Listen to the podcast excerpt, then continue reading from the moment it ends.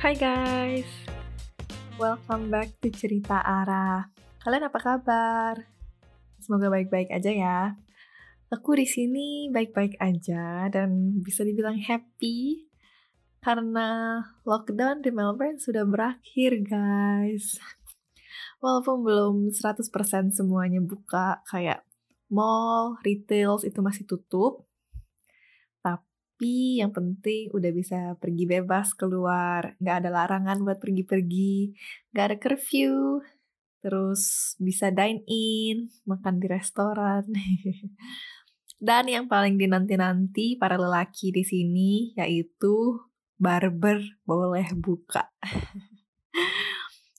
Asli ya kayak karena barber tutup semua, aku kayak ngelihat cowok-cowok tuh kalau pergi itu semua pada pakai topi, pakai bando, ya ampun kasihan banget. Sedangkan kita cewek ya udah mau panjang-panjang ya bodo amat, biasanya juga setahun sekali potong rambut, ya nggak sih? Oke, sesuai judulnya, aku hari ini mau bahas alasan aku memilih sekolah di Australia. Hmm, looking back, sebenarnya aku itu nggak pernah tahu aku maunya tuh apa. Karena mungkin emang udah kebiasaan dari kecil ya, aku tuh nggak pernah ngambil keputusan sendiri gitu. Bahkan waktu memilih jurusan pun, aku nggak tahu mau ngambil jurusan apa sampai kelas 3 SMA guys. Pas udah deket-deket mau UN, itu baru tuh tahu mau ambil apa. Taunya pun gara-gara aku ngambil tes minat bakat. Bahkan sampai dua kali. Saking cluelessnya aku. Bener-bener aku itu dulu gak punya universitas impian, pekerjaan impian, cita-cita gitu gak ada guys. Kalau ditanya dulu mau jadi apa, mau jadi youtuber, mau jadi artis. Sedangkan akunya sendiri masih gak pede di depan kamera. Aduh.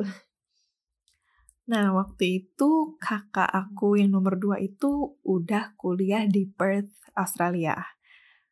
Dan aku liatnya kayak, wow keren banget ya.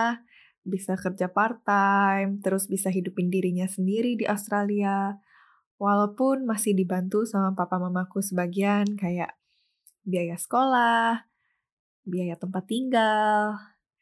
Tapi aku ngeliatnya kayak keren aja gitu, biaya sehari-hari udah ditanggung sendiri. Kalau mau beli apa nggak perlu minta duit ke orang tua. Ya kan? Nah, aku tuh selalu pengen banget buat kerja, cari uang, punya pemasukan sendiri gitu. Karena kan dulu masih pakai uang jajan ya. Nah, uang jajanku tuh nggak yang banyak banget gitu. Aku dijata guys, aku inget banget dulu uang jajanku itu 150 ribu per minggu. Jadi hitungnya 600 ribu per bulan. Ya sebenarnya oke okay sih, tapi kalau di daerahku itu dan harga makanan di sekolahku itu kayak nggak banget. Harga rata-rata makanan di sekolahku tuh kayak 15 sampai 20 ribu.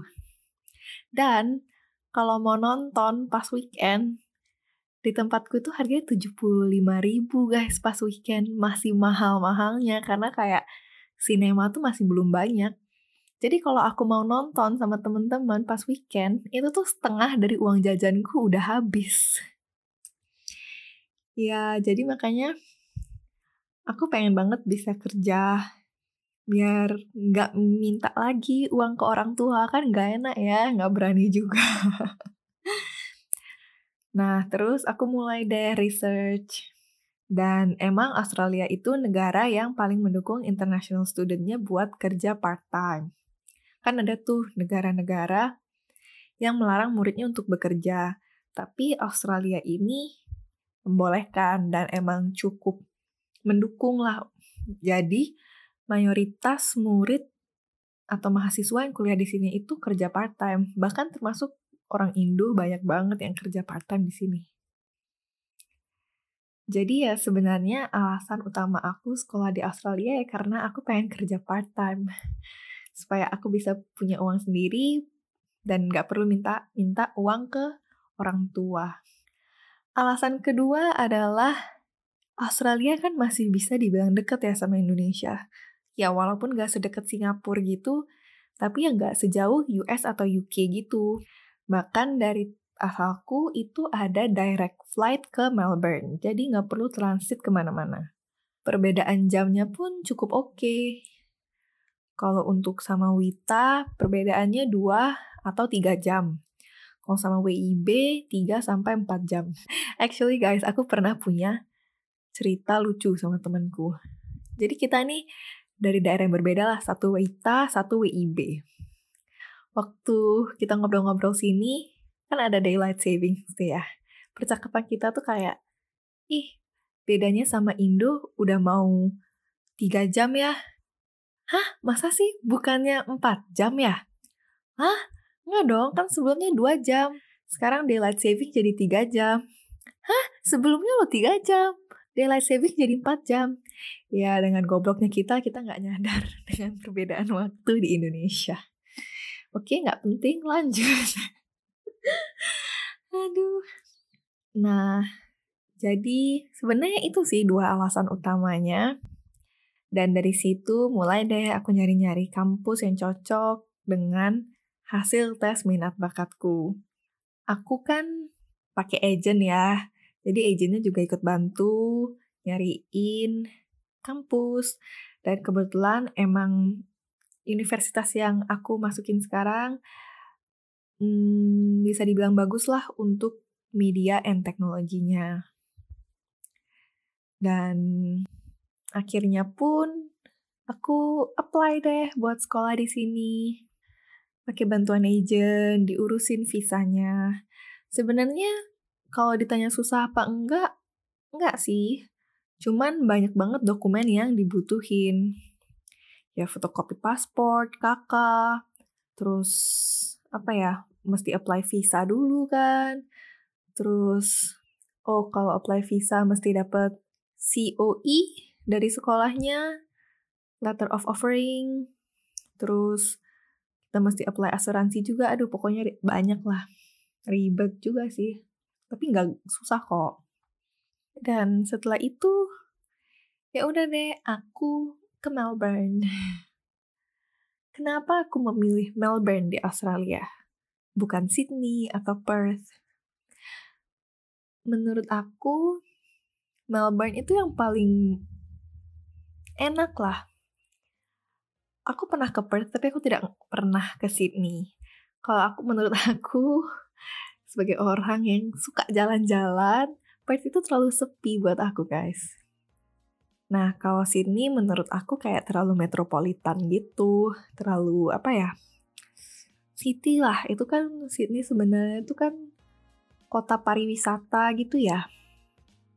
Aku nggak pernah ke sana sih, cuman ya kedengarannya begitu.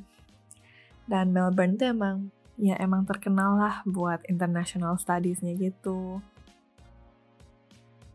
Aku dari awal pindah sini, kira-kira dari semester 1 gitu aku udah mulai kerja part-time sampai saat ini. Jadi cukup happy dengan pilihan ke sini. Terutama di pandemi ya, aku bisa memenuhi kebutuhanku sehari-hari tanpa bantuan orang tua. Karena kan namanya pandemi, semua orang tuh struggling ya orang tua aku juga kan makin gak enak ya buat minta-minta uang jajan lebih gitu jadi ya untung banget sih cuman ya Australian border belum buka sampai sekarang guys. Sekian podcast kali ini.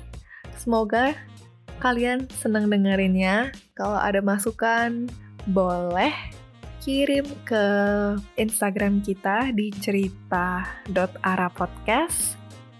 Dan kalau kalian punya cerita-cerita tentang merantau kalian atau perkuliahan atau kehidupan di 20-an, boleh banget juga buat kirim message ke kita. Thank you guys. I'll see you on the next episode.